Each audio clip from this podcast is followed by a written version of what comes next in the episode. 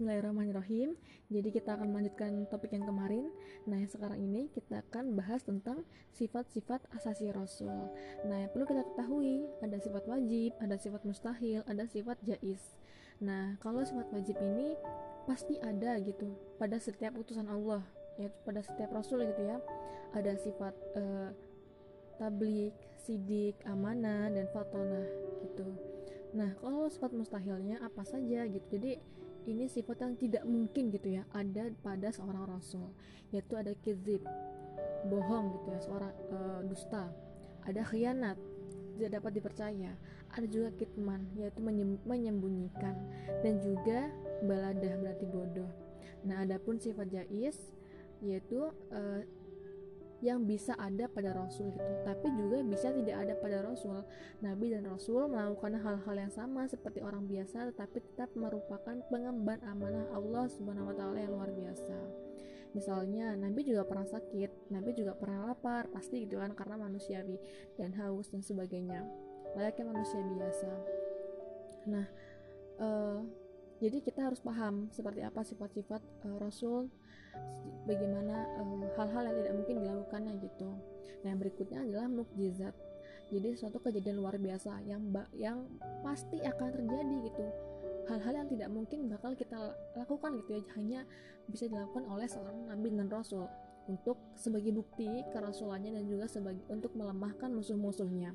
Jadi uh, nggak mungkin gitu ya uh, semua orang tuh bisa hanya orang-orang terpilih saja gitu ya termasuk so, so, termasuk seorang nabi dan juga termasuk juga seorang rasul jadi mujizat seorang nabi sebelumnya cenderung dapat dilihat atau dirasakan. Nah, seperti contohnya tongkat menjadi ular, membelah batu keluar air, membelah lautan, unta yang keluar dari batu dibakar tapi aman dan sejahtera. Nah, mungkin ini udah gak asing lagi ya udah nggak asing lagi bahkan uh, nah mukjizat selain dapat dilihat dan dirasakan yaitu seperti bentuk fenomena-fenomena tadi tapi juga bisa berupa tulisan yaitu Al-Quran atau kitab-kitabnya. Nah yang perlu kita ketahui ada beberapa mukjizat Rasulullah Shallallahu Alaihi Wasallam. Yang pertama adalah Al-Quran Al-Karim. Ini yang paling utama ya dan hingga saat ini pun kita masih merasa merasakan gitu uh, bagaimana uh, Rasulullah memperjuangkan uh, tauhid memperjuangkan untuk umat-umat yang mengenal Al-Quran gitu. Dan sampai sekarang pun Al-Quran tidak akan dimakan uh, zaman gitu. Jadi tidak seperti kitab-kitab sebelumnya yang hanya berlaku pada masa, masa tertentu dan untuk kaum tertentu saja. Nah uh, bahkan sampai sekarang pun tidak ada orang yang mampu menjawab tantangan Al-Quran gitu. Yaitu tantangan untuk membuat sebuah buku yang setara dengannya. Jadi sebenarnya untuk Al-Quran ini ya, uh, kalau mungkin di bahasa Indonesia ini sangat tinggi gitu maknanya gitu. Jadi ketika orang-orang Arab mendengar uh, Al-Quran atau kata Al-Quran itu seperti mendengar uh, suatu kalimat atau kata-kata yang sangat luar biasa, sehingga tidak akan bisa ada orang yang bisa membuat kalimat yang setara dengannya ataupun kata-katanya gitu. Yang kedua adalah mujizat Isra Mi'raj nah ini mungkin udah nggak asing lagi ya. Uh, kita sering dengar gitu bahkan kisahnya pun sudah banyak diceritakan yaitu perjalanan malam hari menembus waktu dari Masjidil Haram ke Masjidil Aqsa di Palestina lalu diteruskan ke langit ketujuh. Dan beliau pun um, ini ya mengimami uh, seluruh nabi dan rasul gitu. Masya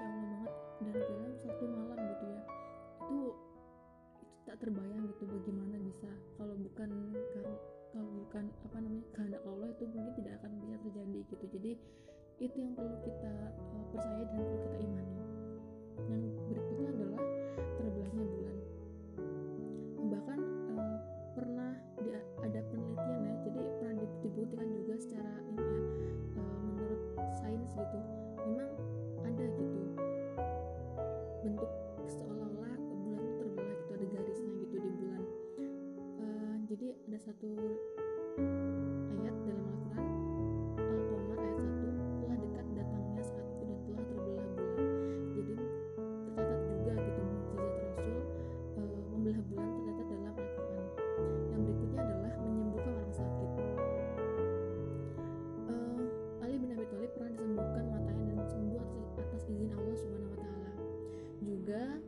hadis dari Salama bin Al-Aqwa disembuhkan oleh Rasulullah.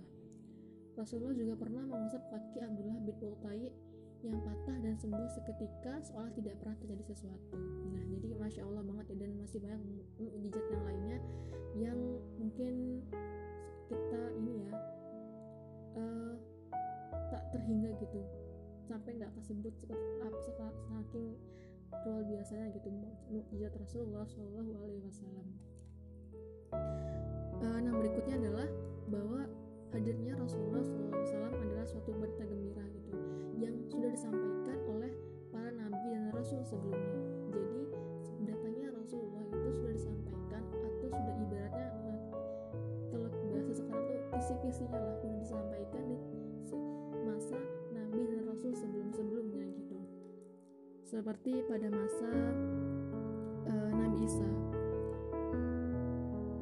Nabi Isa uh, mengatakan bahwa uh, ada kalimat Ahmad gitu ya dalam satu Al-Quran menceritakan kedatangan Nabi SAW yang disampaikan oleh Nabi Isa alaihissalam ayat ini menyebutkan bahwa Ahmad seolah Nabi Isa ingin mengatakan bahwa Nabi itu lebih terpuji daripada Nabi Isa gitu.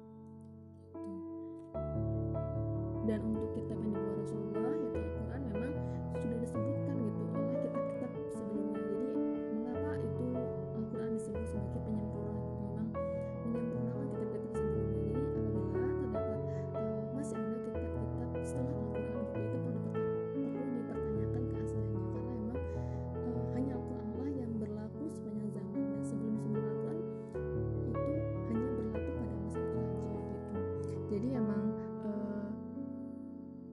isinya berbeda tentu ya.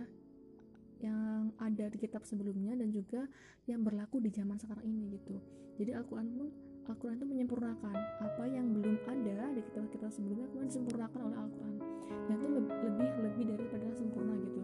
Makanya itu re relevan dengan uh, setiap tahun berganti tahun berganti ini ya periode itu masih relevan dalam kehidupan kita gitu. Itulah kenapa Al-Quran ini nggak pernah uh, apa habis gitu. Oh hanya ada di masa sebelumnya aja enggak. Tapi bahkan menceritakan peristiwa-peristiwa yang akan datang.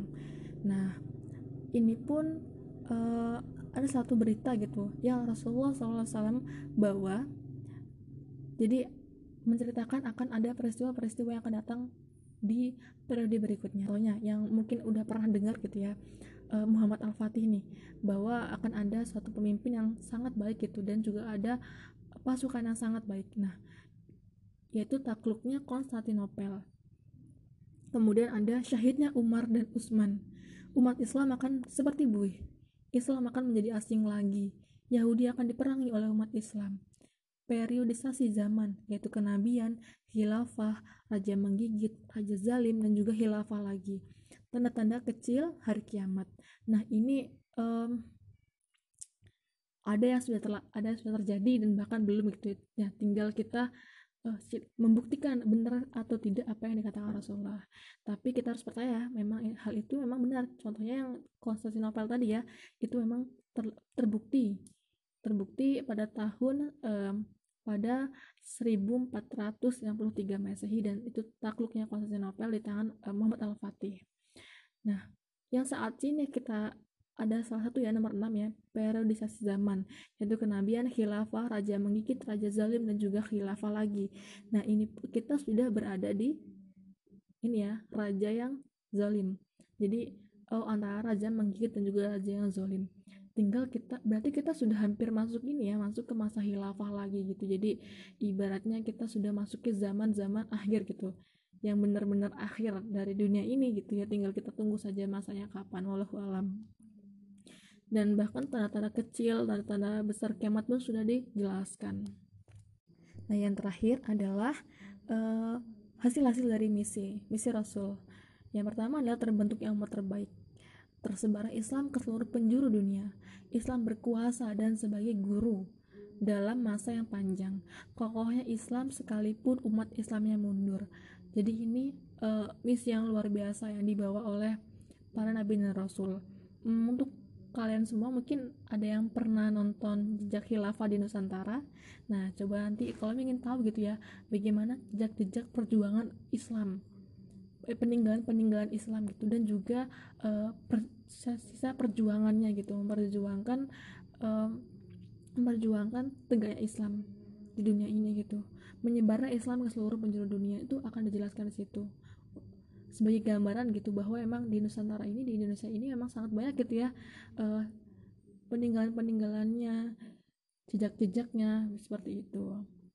Nah mungkin itu aja yang mau disampaikan. Mohon maaf apabila uh, ada kesalahan dalam penyampaian ada kesalahan dalam pengucapan atau ilmu-ilmu yang disampaikan. Karena sesungguhnya kita semua sama-sama belajar gitu.